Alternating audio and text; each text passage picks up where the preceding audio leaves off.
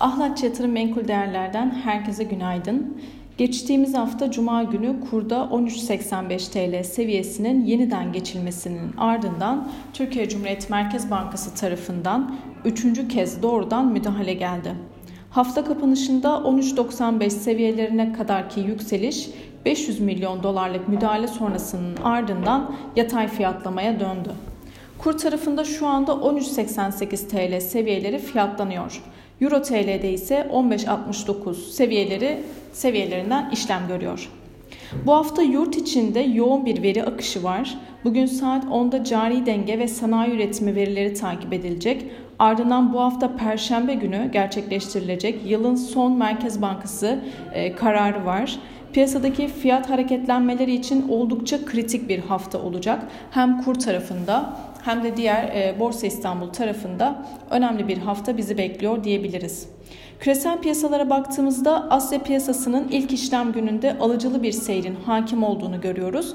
Geçtiğimiz hafta Çin'den gelecek yıl e, gelecek yıl ekonomide daha büyüme dostu e, politikalar uygulanabileceği sinyalinin verilmesiyle Asya Pasifik borsaları haftaya yükselişle başladı.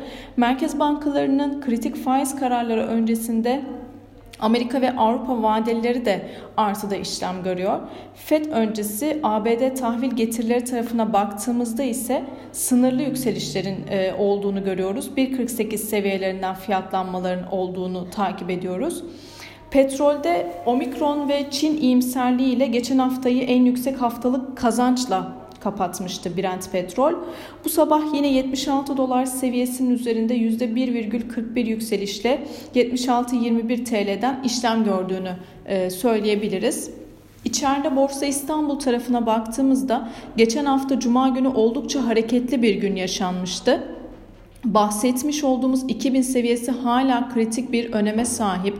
Bu seviyenin, bu seviyenin altında cuma günü satışların sarkmadığını gördük. Bugün borsada alıcılı bir seyrin e, süreceğini düşünüyoruz. Omikron varyantının Türkiye'de de 6 kişide görülmesi tehdit olarak algılansa da Sağlık Bakanı Koca'dan gelen e, hastaların hastaneye yatırılma ihtiyacı olmadıklarına e, dair ifadeler Aynı zamanda vaka sayılarındaki azalışta bugün alıcılı seyrin sürmesini etkileyen etmenler arasında diye düşünüyoruz.